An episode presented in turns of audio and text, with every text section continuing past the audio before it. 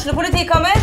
Ine Jansen er purk. Er du purk? The motherfucking bitch. Alt jeg vil, er å finne ut hva som skjedde med mannen min. Jon Carew. Er jeg sikta for noe? Iben Akeli. Det er du.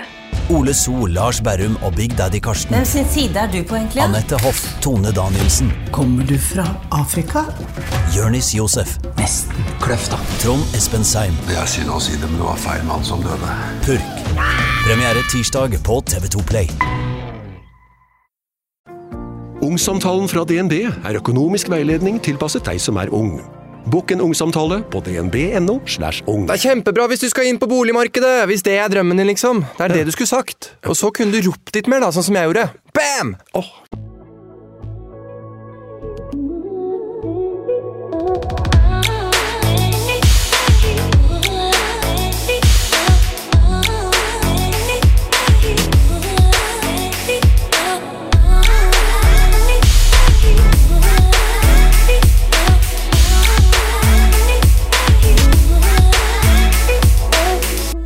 I dag så har jeg invitert Endometrioseforeningen. Både for min egen del, for alle som sliter med endometriose, og for alle som ikke vet at de har endometriose, men også for at vi må snakke om det. Få mer kunnskap, lære og forstå. Og vi skal snakke om kronisk sykdom, bortforklaringer, smerte og rettigheter. Og endelig skal vi snakke om endo.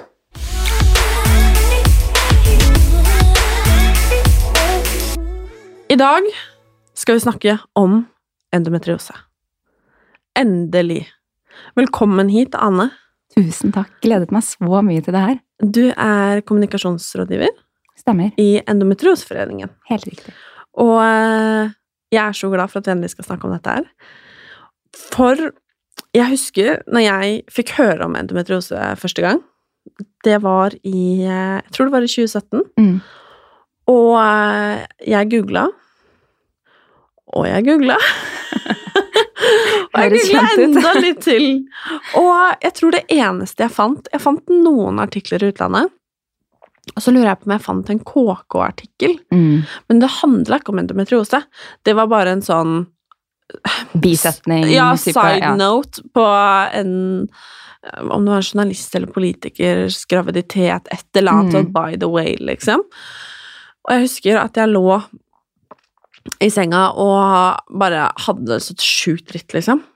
Eh, og når jeg googler nå nå, nå begynner det å bli en del år siden 2017. Altså, fy fader, det har skjedd litt. Det er helt vilt. Det har skjedd så mye de Jeg vet det. Jeg kan begynne å grine av det, fordi at eh, jeg har følt meg så ekstremt alene om det.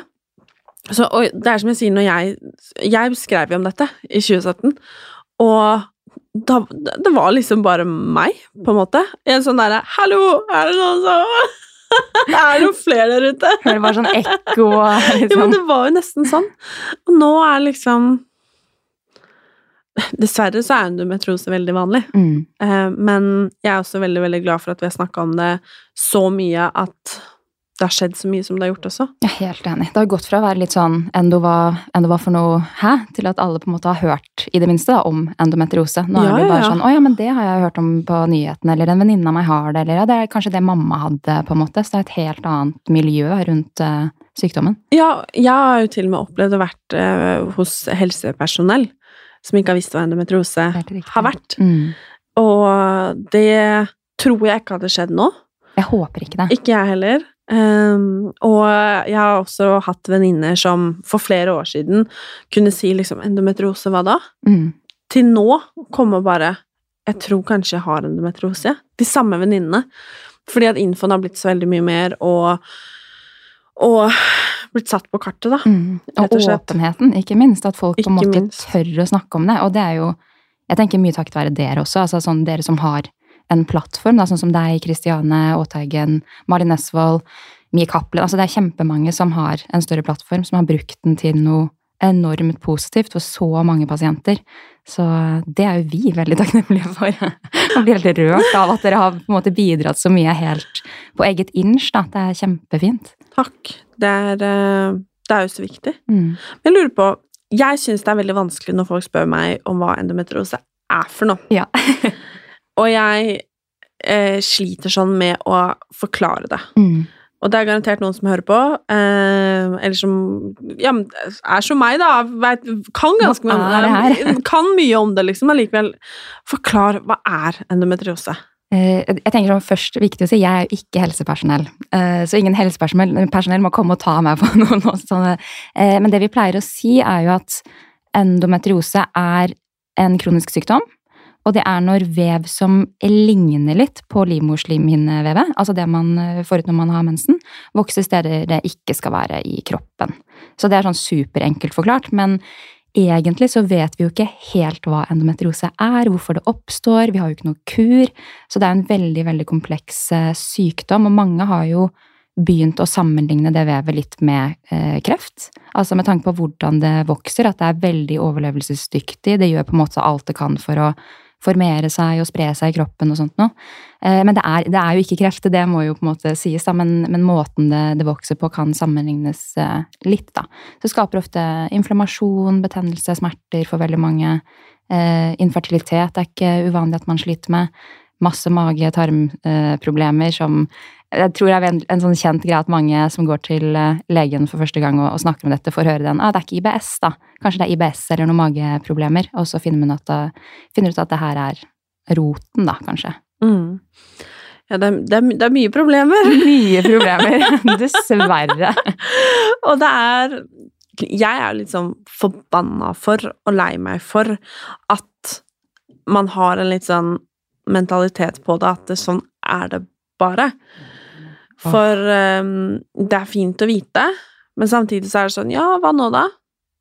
Det er liksom skjer, ikke liksom? noe, ikke noe mer. Du går rundt og sliter med mage og tarm, med smerter, med kramper, med altså hva det nå måtte Mm. være. Og jeg lærte først i fjor, tror jeg det var, uh, på et uh, arrangement med Sanitetskvinnene Mm. om endometriose, at eh, endometriose kan vokse andre steder. Overalt i kroppen. Nettopp! Det er helt vilt. I halsen, liksom. I hjernen, i lungene. bare, altså, det er helt, det er helt sykt. Og jeg bare Det visste ikke jeg. Det var helt ny info for meg. Mm. Og det sier jo på en måte litt om hvor lite kunnskap det egentlig er om det, da. Absolutt. Men jeg lurer, Anne, hvor kommer engasjementet ditt fra, i og med at du jobber i Endometrioseforeningen? Eh, Jeg tror på en måte mange har eh, samme grunnlag for engasjementet sitt, dessverre. At man på en måte må ha vært gjennom hele regla selv. Eh, For jeg har jo begge sykdommene vi representerer, det er jo endometriose og adenomyose, som kanskje er litt mindre kjent blant folk, men som egentlig påvirker dobbelt så mange. Og det er bare når det er livmoren da, som på en måte er påvirket, at det livmorslimhinnevevet vokser inn i livmoren. Du får en sånn betent, litt syk livmor, egentlig, hvis man skal forklare det veldig enkelt.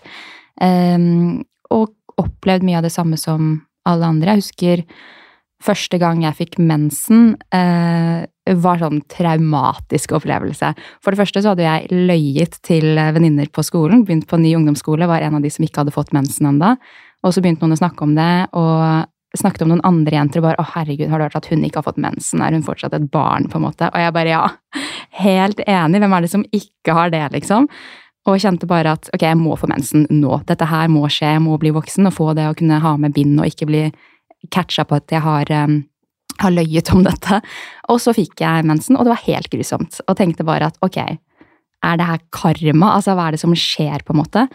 Eh, og husker fortsatt at jeg var hjemme fra skolen de første gangene. Eh, og var så flau. Altså, det var et eller annet, jeg var så pinlig berørt over det. Ikke bare hadde man fått mensen som hadde vært normalt, men jeg sleit jo så enormt med det. Fløy på do hele tiden, hadde enorme kramper, eh, feber, var skikkelig dårlig. Eh, og husker at jeg sa til mamma ikke si det til pappa. Jeg, her, jeg har ikke lyst til at han skal vite det. Og han har jo vokst opp med nesten bare søstre. Har bare døtre, så for han er jo ikke det her noe, noe problem i det hele tatt. Men jeg syns det var så ille. Og husker at han kom inn og satte seg på sengekanten og på en måte klappet meg litt på ryggen, for hun måtte jo si det til slutt. Altså, jeg er jo hjemme hver måned. Eh, og så sa han ja, det her, nå har jeg hørt at du har fått mensen, og det er jo eh. Da har du blitt, begynt å bli voksen, på en måte. Det er helt, det er helt vanlig. Men du kan ikke være hjemme fra skolen hver gang du får det, fordi det er helt vanlig at man har vondt, og mamma har vondt, og eh, bestemor har også vondt og sånt, men de, de kommer seg jo på jobb, og da må du eventuelt ta noe smertestillende og sånt noe. Eh, og kjente at ok, er det bare meg? Da er det bare jeg som ikke tåler å stå i dette her. Og så eh, ble det jo ikke noe bedre. Jeg Ble tatt med til legen, som bare tenkte at det var helt normalt. Satte meg på p-piller for å regulere litt. Og heldigvis så hjalp jo det i starten for min del. Um, og så har det vært flere år da, hvor andre ting på en måte fortsatt har eksistert som har gjort meg helt surrete i huet. Altså sånn mageproblemer, og folk tenker at er det angst, er det noe annet, er det et eller annet stress på skolen?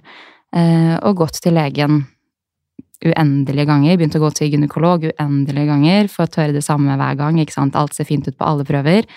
Eh, og man blir jo litt sånn psykisk påvirket av det. At man tenker hele tiden ja, men da er det jo bare meg.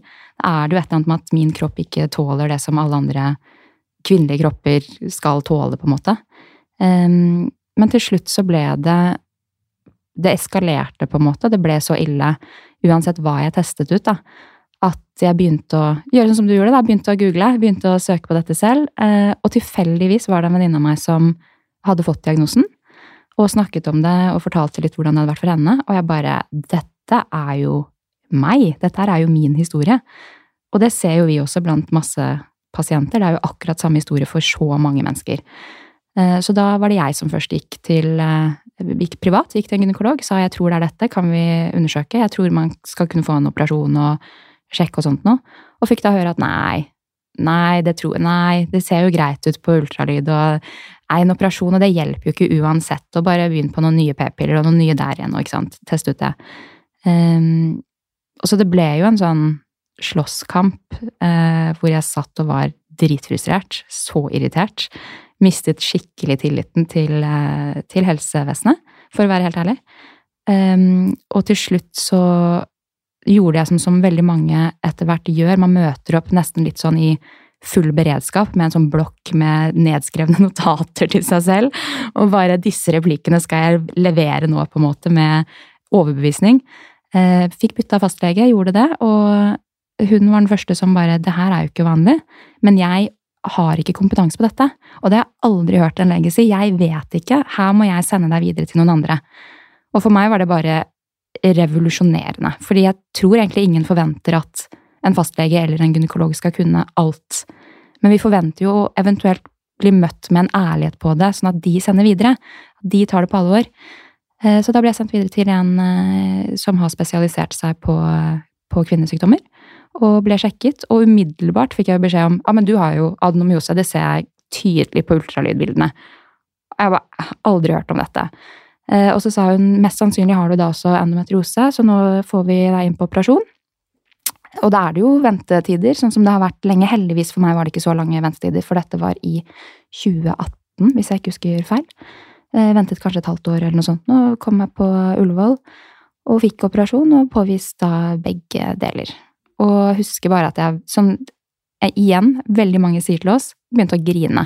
Ikke fordi å herregud, så skummelt, jeg har fått en kronisk sykdom, det er ikke noe kur, jeg vet ikke hva jeg skal gjøre, skal jeg leve med dette resten av livet? Men fordi for meg, da i kanskje 12-13 år, hadde jeg gått rundt og tenkt ja, det er bare meg, det er bare huet mitt. Jeg liksom, gaslighter meg selv på en måte til slutt, da. Og så fikk jeg jo svar på at nei, det her det var jo ikke bare vanlig. Dette her er ikke noe du skal på en måte tåle. Dette er en av faktisk verdens mest smertefulle sykdommer for veldig mange. Så det var på en måte en sånn seier, og da kjente jeg også etterpå at her må man jo gjøre noe. Her må man jo inn og på en måte endre systemet, da. Så det var det som gjorde at jeg begynte å søke meg rundt, og så fant jeg Endometrioseforeningen.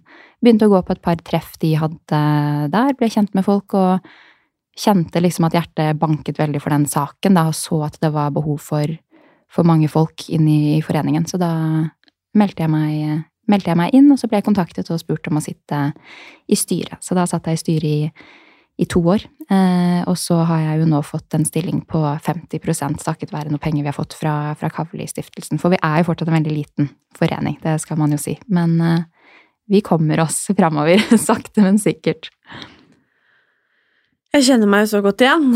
Ja, ikke sant? Det er jo bare helt uh... Og den derre um, kampen, liksom. Og den der å miste troa og sitte og, Å!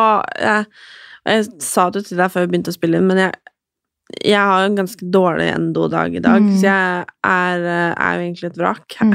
Jeg Altså, jeg sitter med varmebelte. Jeg har tatt Imodium i dag. Jeg har tatt uh, Paracet. Har med liksom smertestillende. Det er Ja, jeg skjønner veldig. ja, og det er sånn, jeg blir så emosjonell, for at jeg bare åh. Og det er så mange, på en måte. Det er det som er så trist òg, og vi får jo så mye Og det gjør du òg. Altså, sånn, og du er i hvert fall ikke rusta. Du er en privatperson på en måte som har tatt opp kampen på vegne av, av så mange som vi er drittakknemlige for. Mm, Og du får veldig masse sikkert kjempetunge meldinger som jeg tenker at Daglig. daglig, som på en måte hvor er verktøyene for din del da, for å, å svare på alle disse meldingene.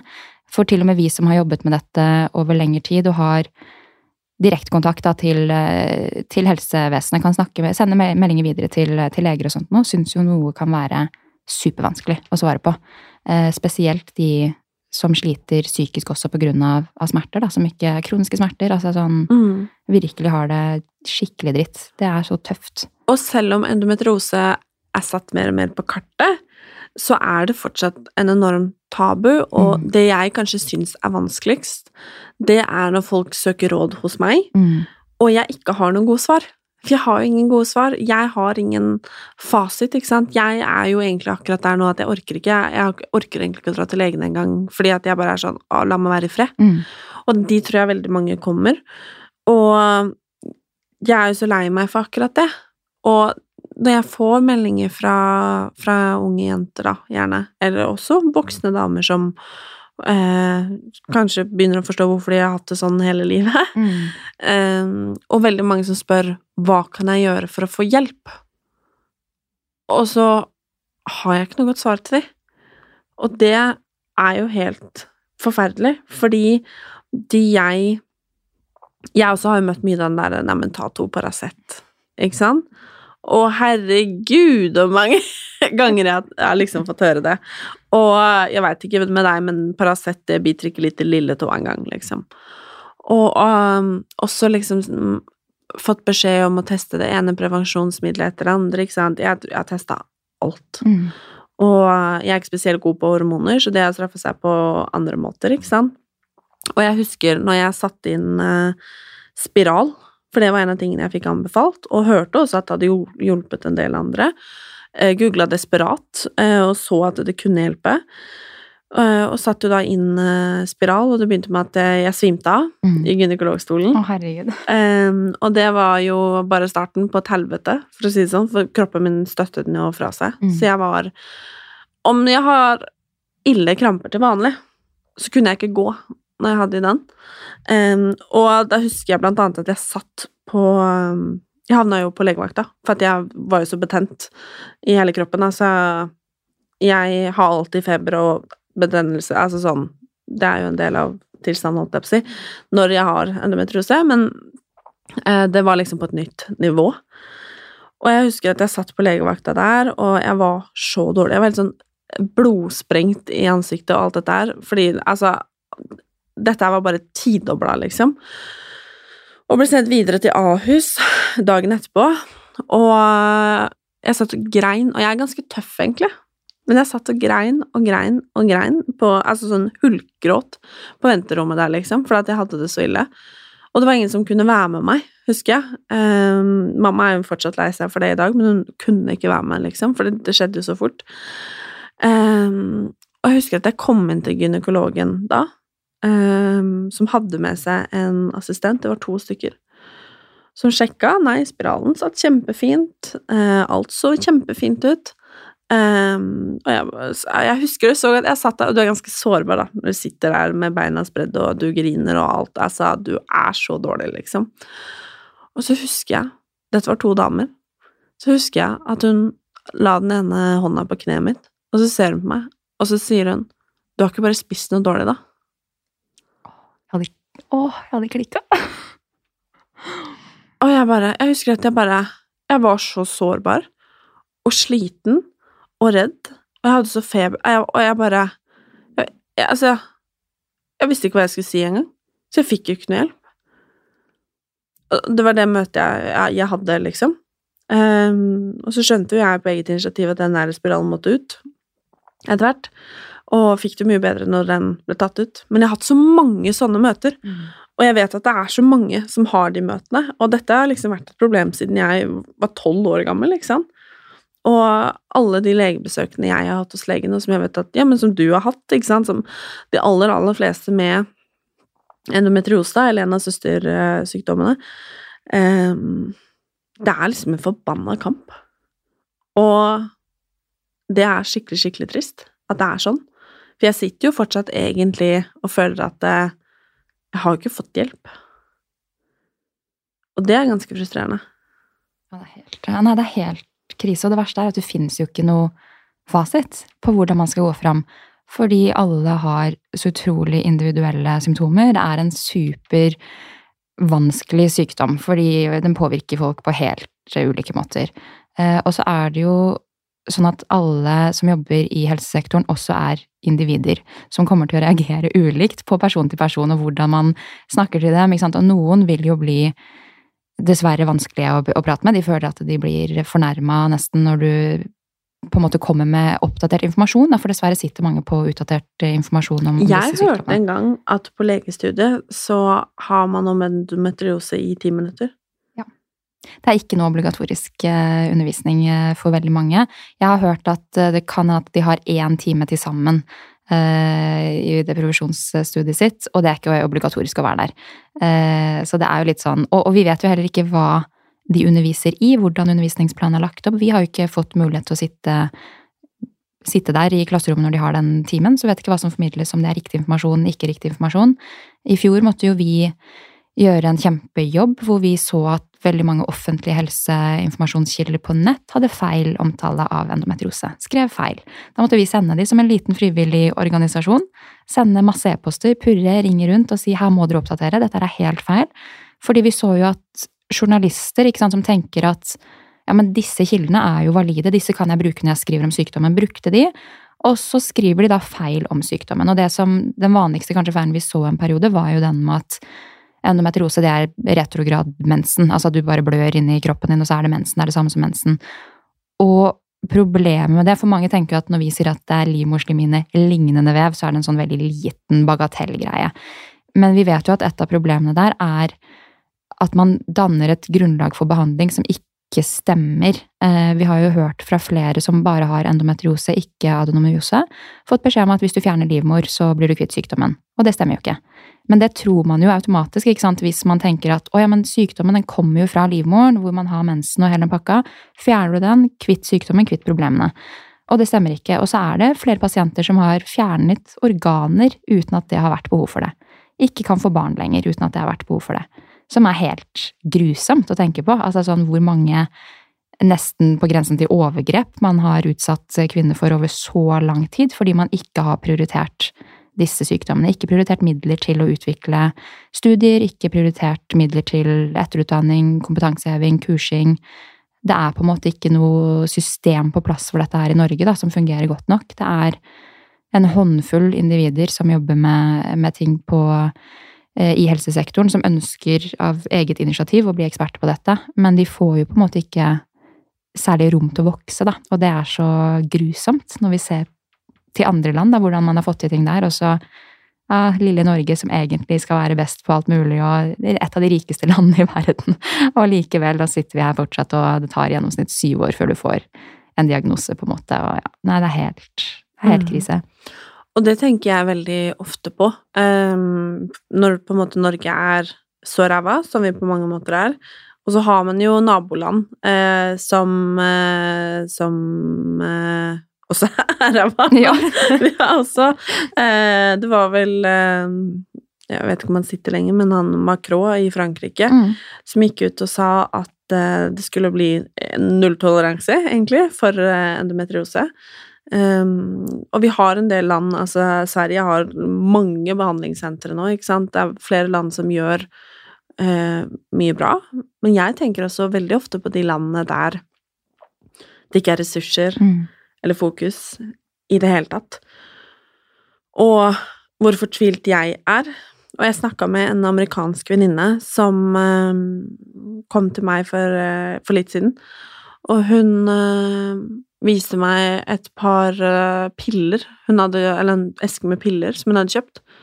Uh, hun hadde kjøpt den på uh, Jo, men vanlig, altså Amazon, liksom. Eh, for hun var så desperat.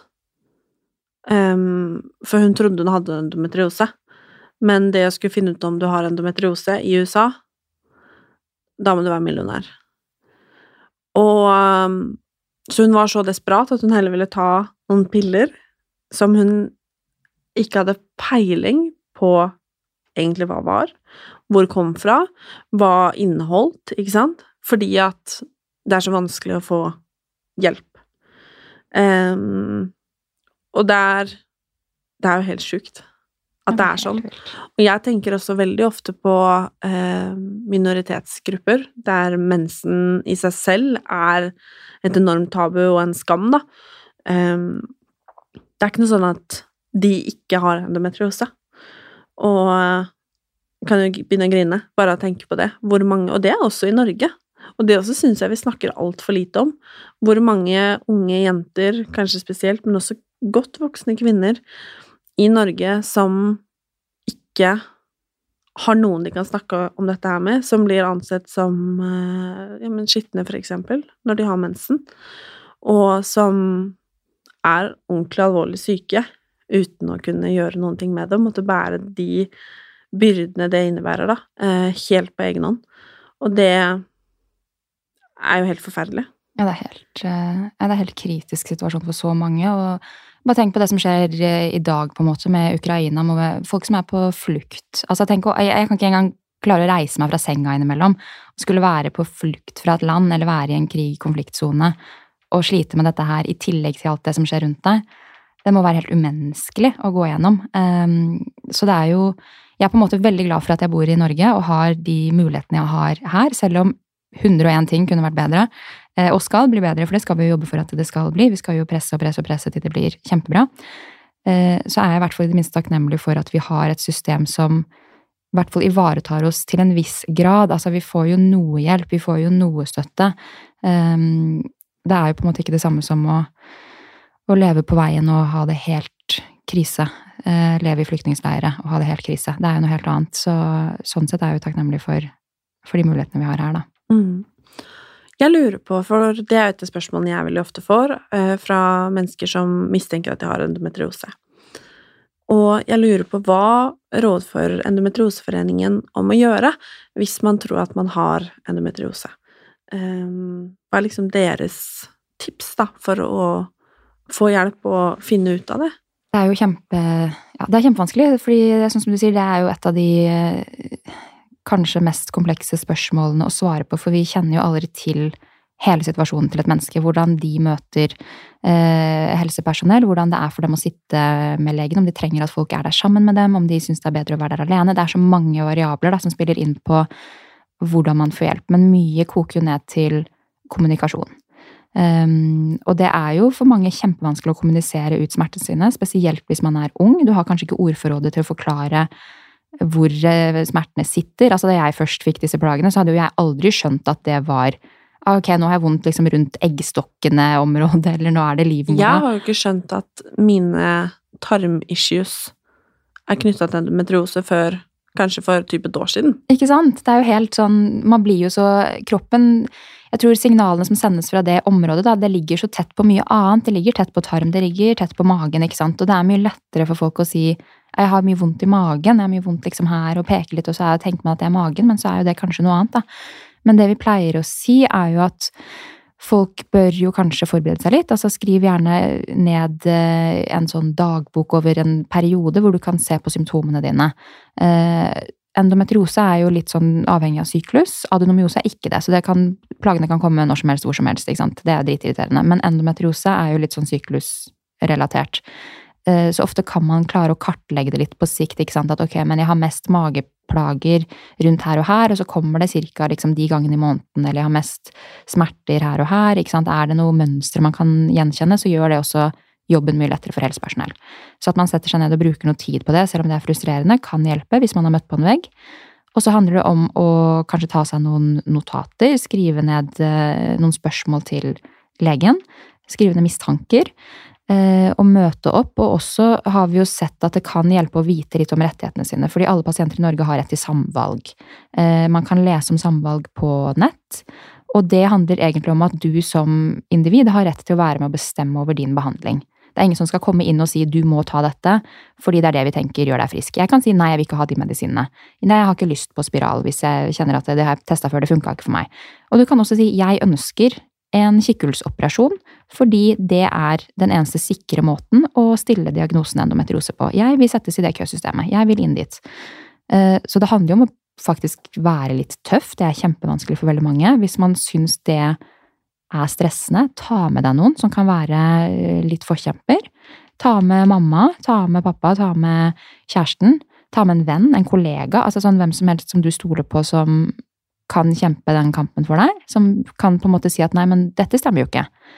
Um, og så handler det jo ofte om å få en henvisning videre, ikke sant. Det er jo det er det som har blitt litt sånn vanskelig med helsesystemet i Norge, at det er mye trinn hele tiden. Så det blir mye køer der. Først så må du vente på en time hos fastlegen, det er ikke sikkert du får det på dagen. Og så må de henvise videre, gjerne til en gynekolog. Eh, for det er jo også viktig at man utelukker andre typer sykdommer. Det her kan jo være mye annet også, ikke sant, så man må jo bare finne ut at ting ser greit ut. Komme seg videre til en gynekolog, og så er det derfra videre ofte da til eh, operasjon. Og da kan man jo undersøke om man har sykdommen eller ikke. Det er den kanskje klassiske ruten å ta, men det er jo også noen som heldigvis får god hjelp eh, til smertelindring bare ved å begynne på hormonpreparater, da. Det vet jeg at mange ikke liker å høre, fordi det er dritfrustrerende, for det har jo ikke funka for kjempemange, men for noen funker det. og Da er det viktig at man tester ut. Og det er også viktig å nevne at selv om det er dritt å høre liksom, ok, men kanskje test den nye p-pillen, test denne p-pillen isteden, denne, denne, denne, og man kjenner herregud, slutt å bare stappe i meg hormoner, det funker jo ikke, så er det forskjell på hormonelle preparater. Det er det. Eh, så det at du for eksempel, da, Martine, ikke klarte å stå på spiral, men at du funker bedre på minipillen, ikke sant, det er noe med med de små variasjonene i hva som er sammensetningene i, i, de pillene vi har, i de eh, preparatene vi har, som kan utgjøre en forskjell. Fordi kroppen er veldig sensitiv på små variasjoner. Eh, så for noen hjelper det, for andre må du gjennom den operasjonen. Men det vi pleier å si til folk også, er at får du ikke gjennomslag hos fastlegen når du kommer, har den lista di, kanskje har med en person, ber spesifikt om en utredning, og de hele veien bare er litt sånn uinteressert i å hjelpe deg, du har full rett til å bytte fastlege. Selv om det er dritfrustrerende, og selv om det ikke bør være din jobb, at du skal på en måte ta helsa di i dine egne hender, så er det litt sånn som det er for mange i dag. Det er kjempeleit å si det, men man må nesten kjempe seg gjennom ting. Det eh, burde absolutt ikke vært sånn, men for noen så er det at du må bytte fastlege kanskje ikke bare én gang, to ganger, tre ganger, før du finner en person som ser deg, forstår deg, som du klaffer godt med, eh, og hjelper deg videre, da. Men eh, det er på en måte det, da. Ha med liste, ha med folk. Nevn rettighetene dine. Vi har også sett at det kan hjelpe for folk, og det er tøft for mange å si. Det er skummelt, fordi det er liksom noe med den autoritærfiguren som leger ofte har når man kommer som pasient, og de har tatt flere års utdanning. ikke sant? Disse kan jo dette, jeg kan jo ikke dette, jeg vet jo ikke. ikke sant? Bruke legespråk. Eh, så det å utfordre de litt kan være drittøft for folk. Og vi skal jo helst jobbe på lag med helsepersonell, vi skal ikke drive og slåss mot de, men i visse tilfeller kan det være nødvendig. Og da har vi sett at det hjelper for noen å si ok, men hvis du ikke vil ha Hvis du ikke vil gi meg henvisning videre, så vil jeg at du journalfører det i min journal. Da skal du skrive ned at jeg ba om dette i min journal, og at du ikke ville sende meg videre med et grunnlag for hvorfor du ikke ville sende meg videre. Det vil jeg ha skriftlig. For det kan også hjelpe deg i en eventuell klagesak ved senere anledning, og da ser vi noen ganger at de blir litt mer sånn ja, ok, greit, da får du kanskje den henvisningen, på en måte. Enormt kjedelig hvis det er sånn man må gjøre det. Men uh, for noen så er det litt Man må slåss litt, dessverre. Mm. Enn så lenge. Så håper vi at det endrer seg, at flere og flere, og det ser vi jo òg, at, at, flere og flere som jobber i helsesektoren, får en større forståelse for, for disse sykdommene. Vi håper jo at det her ikke er tilfellet om fem år, om ti år, at det er et, et helt annet miljø, et helt annet klima, eh, og et helt annet system, ikke minst, som kan ivareta pasientene da, som kommer med disse plagene. Hva er det Endometrioseforeningen jobber for akkurat nå? Så mye. Mm. Enormt mye. Altså, nå er jo vi misfornøyd med typ alt. Det er jo masse som kan bli bedre. Um, men vi har jo noen konkrete politiske krav på en måte, som vi har prøvd å fremlegge tydelig de siste årene, som vi håper å få gjennomslag for eh, etter hvert. Det virker som at ting vipper mer og mer over til vår eh, favør. Men vi ønsker jo for det første nasjonal behandlingstjeneste.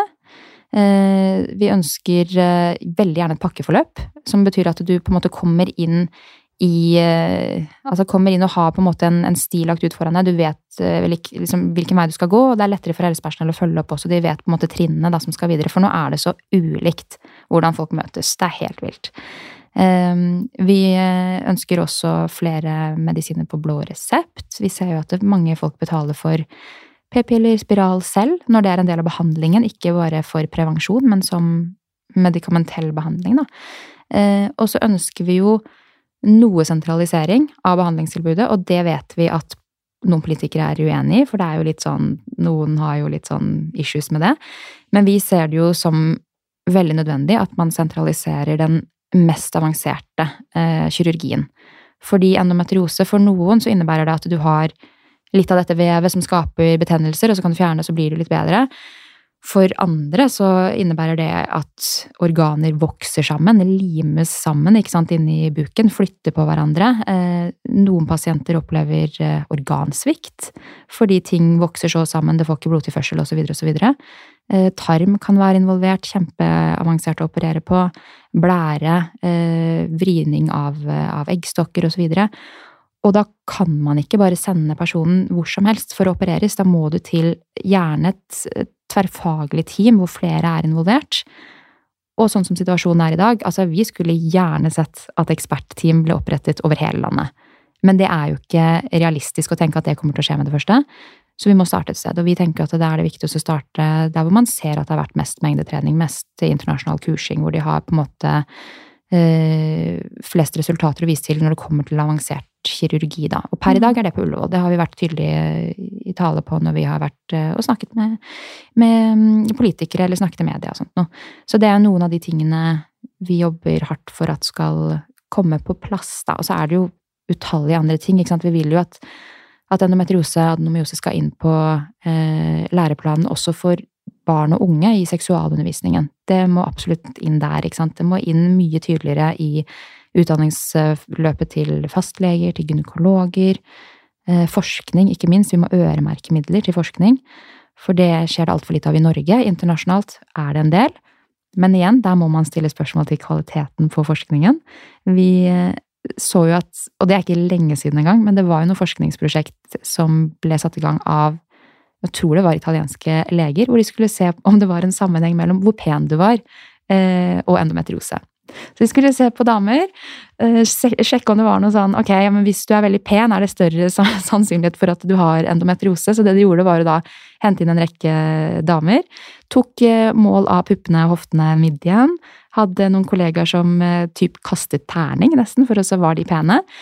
Og så sjekket de da, hadde du endometriose, hadde du alvorlig endometriose eller ikke. ikke sant? Og så fant de jo ut at det var en korrelasjon mellom at de som de mente var mest attraktive, hadde endometriose. Uh, ut, og det var, det var forskningen. Ik, ikke noe sånn Ok, men er det en sammenheng da med østrogen, eksempel? At de har mer østrogen, det er derfor de har større pupper, og det er på en måte forbundet med det folk, eller menn, kanskje syns er attraktivt uh, og sånt noe? Nei, det var, så det er noe med kvaliteten. men ikke sant, det er jo helt Det sier bare noe om Ta kvinner på alvor. liksom. Ta pasientene som har dette på alvor. Transpersoner, ikke-binære, alle de som lider av disse sykdommene. Herregud, så mye hindre man setter opp foran folk, og så er det dette vi får levert, da. En eh, rating, egentlig, på om du er attraktiv eller ikke. Og så skjer det mye fint, men dette her er jo et bilde på at fy fader, det må jo så mye mer til. Ingen kommentar. Jeg vet ikke om det skulle vært et kompliment eller ikke her. Jeg vet ikke. Men jeg lurer, eh, Ane, både som eh, del av Endometrioseforeningen, men også som endometriosepasient, hva dine liksom beste tips er for en hva skal man si, en, en så bærekraftig og god hverdag som mulig. Hva er liksom dine tips og triks for å få For å ha det best mulig, da, Mm. rett og slett? Åh, det er et veldig godt spørsmål, for det er, så, det er sånn dag-til-dag-type greie. I know. Eh, jeg tenker sånn, når jeg ikke har det så ille, jeg prøver å ikke tenke på at, eh, at det her kanskje kommer snikende en eller annen gang, for det er så lett å dra seg selv ned i dette og begynne å grue seg. Jeg har selv utviklet masse type angstgreier rundt dette. Jeg får jo helt noe hvis jeg vet at jeg skal skal spesifikke ting. ikke sant? Hvis jeg vet at jeg skal i et bryllup om en måned, så kan jeg begynne nå å stresse over sånn Å, herregud, tenk så jeg ikke er i form. Tenk så jeg ikke er bra. Tenk så jeg blir dårlig under bryllupet, liksom. Fordi jeg tror man får noen sånne tankebaner da, ut ifra hva man har vært gjennom selv. Det er jo et traume man bærer på for veldig mange. Eh, samme med liksom, skal jeg ha en stor presentasjon på jobb den dagen, ok, jeg håper ikke jeg blir dårlig, jeg håper ikke jeg blir dårlig. Og så kjenner jo jeg at stress ikke er bra for kroppen min i det hele tatt. Jeg blir så dårlig av å stresse. Eh, for det hever jo en del av de eh, hormonnivåene, kortisol og sånt, som ikke er noe bra for inflammasjon i kroppen. Så det å prøve å stresse ned, og det er dritirriterende å høre fra folk, den stressen ned og gjøre yoga, det er jo ikke det jeg mener. Eh, men legge opp livet ditt litt sånn at du ikke kjenner på det stresset hele tiden. Det er også lov å si nei. Jeg hadde besøk fra Skottland forrige helg, var skikkelig dårlig. Og sliter så med å si nei. Jeg tror veldig mange av vi som har disse sykdommene, er, det er litt sånn der flink pike-syndrom også, fordi vi har gått og tatt oss sammen i så mange år. Så man har behov for å bare ok, nei, jeg skal bli med ut, jeg skal bli med på den festen, jeg skal bli med på det, og så har man det ikke noe bra, men man biter det i seg og bare stiller opp. Og jeg har kjent at fy fader, så deilig det er å si nei.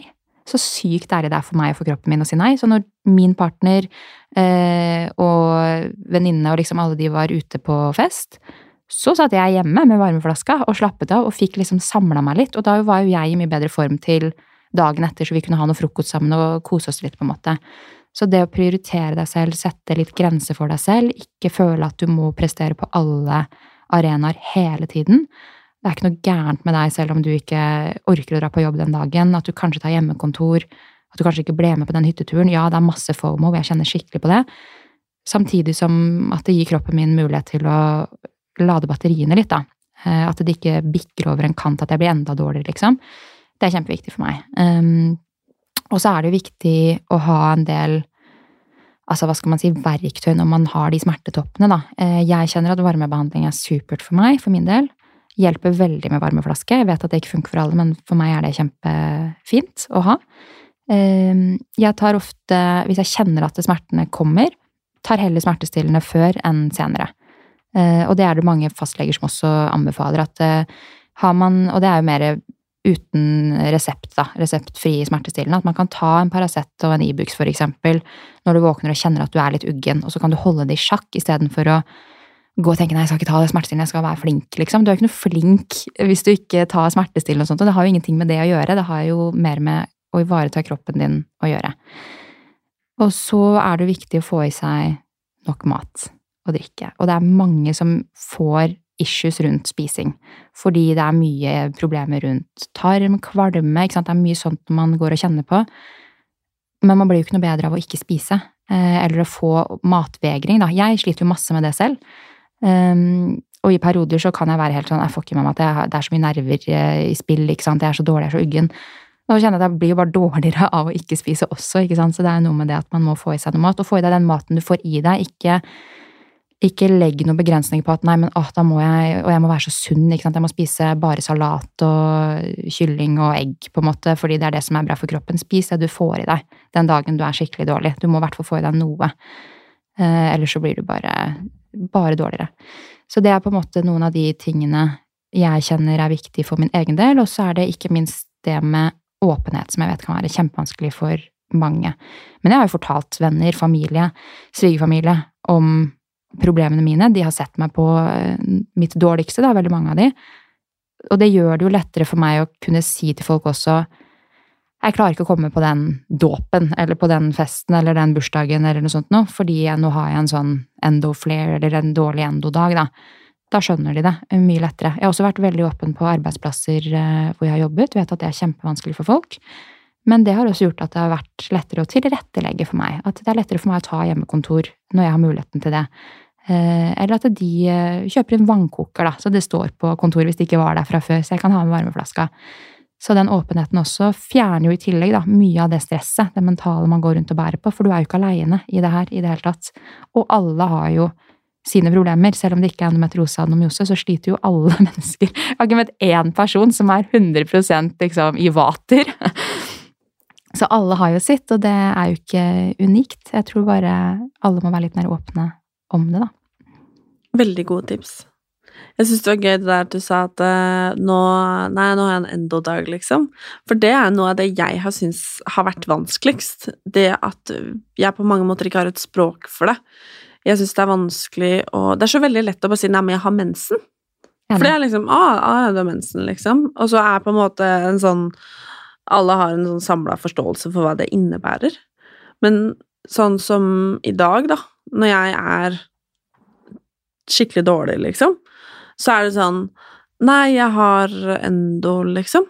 Eh, og så føler jeg på en måte at jeg har ikke noe språk for å på en måte Jeg har feber, jeg er kvalm, jeg har, er slapp, jeg er, det er nesten så jeg klarer å holde øynene åpne, liksom. Altså, alle disse tingene her. Jeg føler på en måte ikke at det er at jeg rett og slett manglet mm. språk for hvordan jeg har det. Fordi at det, det å si 'nei, men jeg har mensen', det er ikke mensen som gjør at Jeg har ikke mensen i dag engang, liksom. Det samme. Det det er liksom men det er så, så, så det savner jeg. Et språk. Jeg skulle ønske at det fantes en ordbok for hvordan jeg har det. Um, Få lage en, da. Foreningen. jeg tror det. Det mangler. Det er mye vi mangler. Det er altfor mye mangler. Og så tenker jeg òg sånn En ting som er litt positivt med dette, hvis man skal, for det er, det er mye dritt. Vi vasser jo i dritt, for å være helt ærlig. Det er jo så mye greier som kunne blitt bedre. Men jeg kjenner òg at i noen tilfeller så har jeg vunnet så mye på dette her. Jeg har blitt et mye mer empatisk menneske enn det jeg noen gang har vært. Jeg skjønner så mye mer hvordan folk sliter, både fysisk og psykisk. Eh, Så da jeg vokste opp og tenkte mer sånn å herregud, folk må bare ta seg sammen, liksom. Fordi jeg tok meg jo bare sammen, ikke sant. Jeg skjønner jo det nå, fordi jeg skjønner at det er noe som, som ligger bak. Så jeg føler at jeg har blitt et bedre menneske eh, ved å ha de erfaringene jeg har hatt. Jeg har møtt så mye fine folk gjennom eh, de prosessene jeg har vært i. Så mange bånd som har blitt knyttet, på en måte, på, på tvers av samme type erfaringer, som er kjempeverdifullt. Og så vil jeg jo bare si at innimellom så kan man jo bruke dette og skylde litt på det. Jeg syns at det skal være så mye mer innafor eh, at man må kunne Altså, jeg vet ikke, Er det noe du ikke er keen på å dra? Altså, Hvis du eksempel ikke Hvis du ikke drikker, da, eh, og du er invitert på en fest hvor du vet at her er det så alkoholpreg på den festen, det kommer til å bli så slitsomt for meg å dra, men det er forventning om at jeg skal dra. Jeg har en, jeg har en endodag, jeg må være hjemme. Slipp unna. Du kan bruke Jeg syns man skal kunne bruke det litt også til sin fordel. Om det er lov å si. At hvis det er noe du har lyst til å slippe, eller kjenner at nå må jeg ta en liten pause, selv om du ikke er helt i knalldårlig form, liksom. Bruk det som en unnskyldning innimellom. Jeg syns at man skal få ta det kortet litt og dra det innimellom som en sånn fordel, for vi må jo få noe ut av dette også. Um, så det er jo på en måte ikke bare ikke bare dørgende trist, eh, dette her. Og så ser vi jo hvor mye varme og kjærlighet det fins i den gruppen mennesker som har disse sykdommene, og i pårørende som er rundt dem, som støtter dem. Jeg blir så rørt av folk eh, og de meldingene vi får inn, og de menneskene vi møter på fagdager eller på treff og sånt, og som på en måte kommer, og det er folk du aldri har sett før, og bare du får den klemmen, liksom, fordi folk skjønner det, liksom, på en helt annen måte. Eh, så man får litt den derre medmenneskefølelsen, da, som er så flott å se, som jeg er veldig glad for. Tusen takk for at du kom, Anne. Takk for at jeg fikk komme. Både på vegne av deg selv, men også Endometriosforeningen. Og for den jobben dere gjør. Og så håper jeg at vi har mye spennende i vente, og at eh, vi eh, vi fortsetter å prate om dette her, og jobbe for det, og at eh, alle som lytter, vet at de ikke er aleine, uansett hva de sliter med. Eh, vi er i hvert fall, hvert fall to stykker her. Minst to. ja. Tusen, tusen takk. Takk.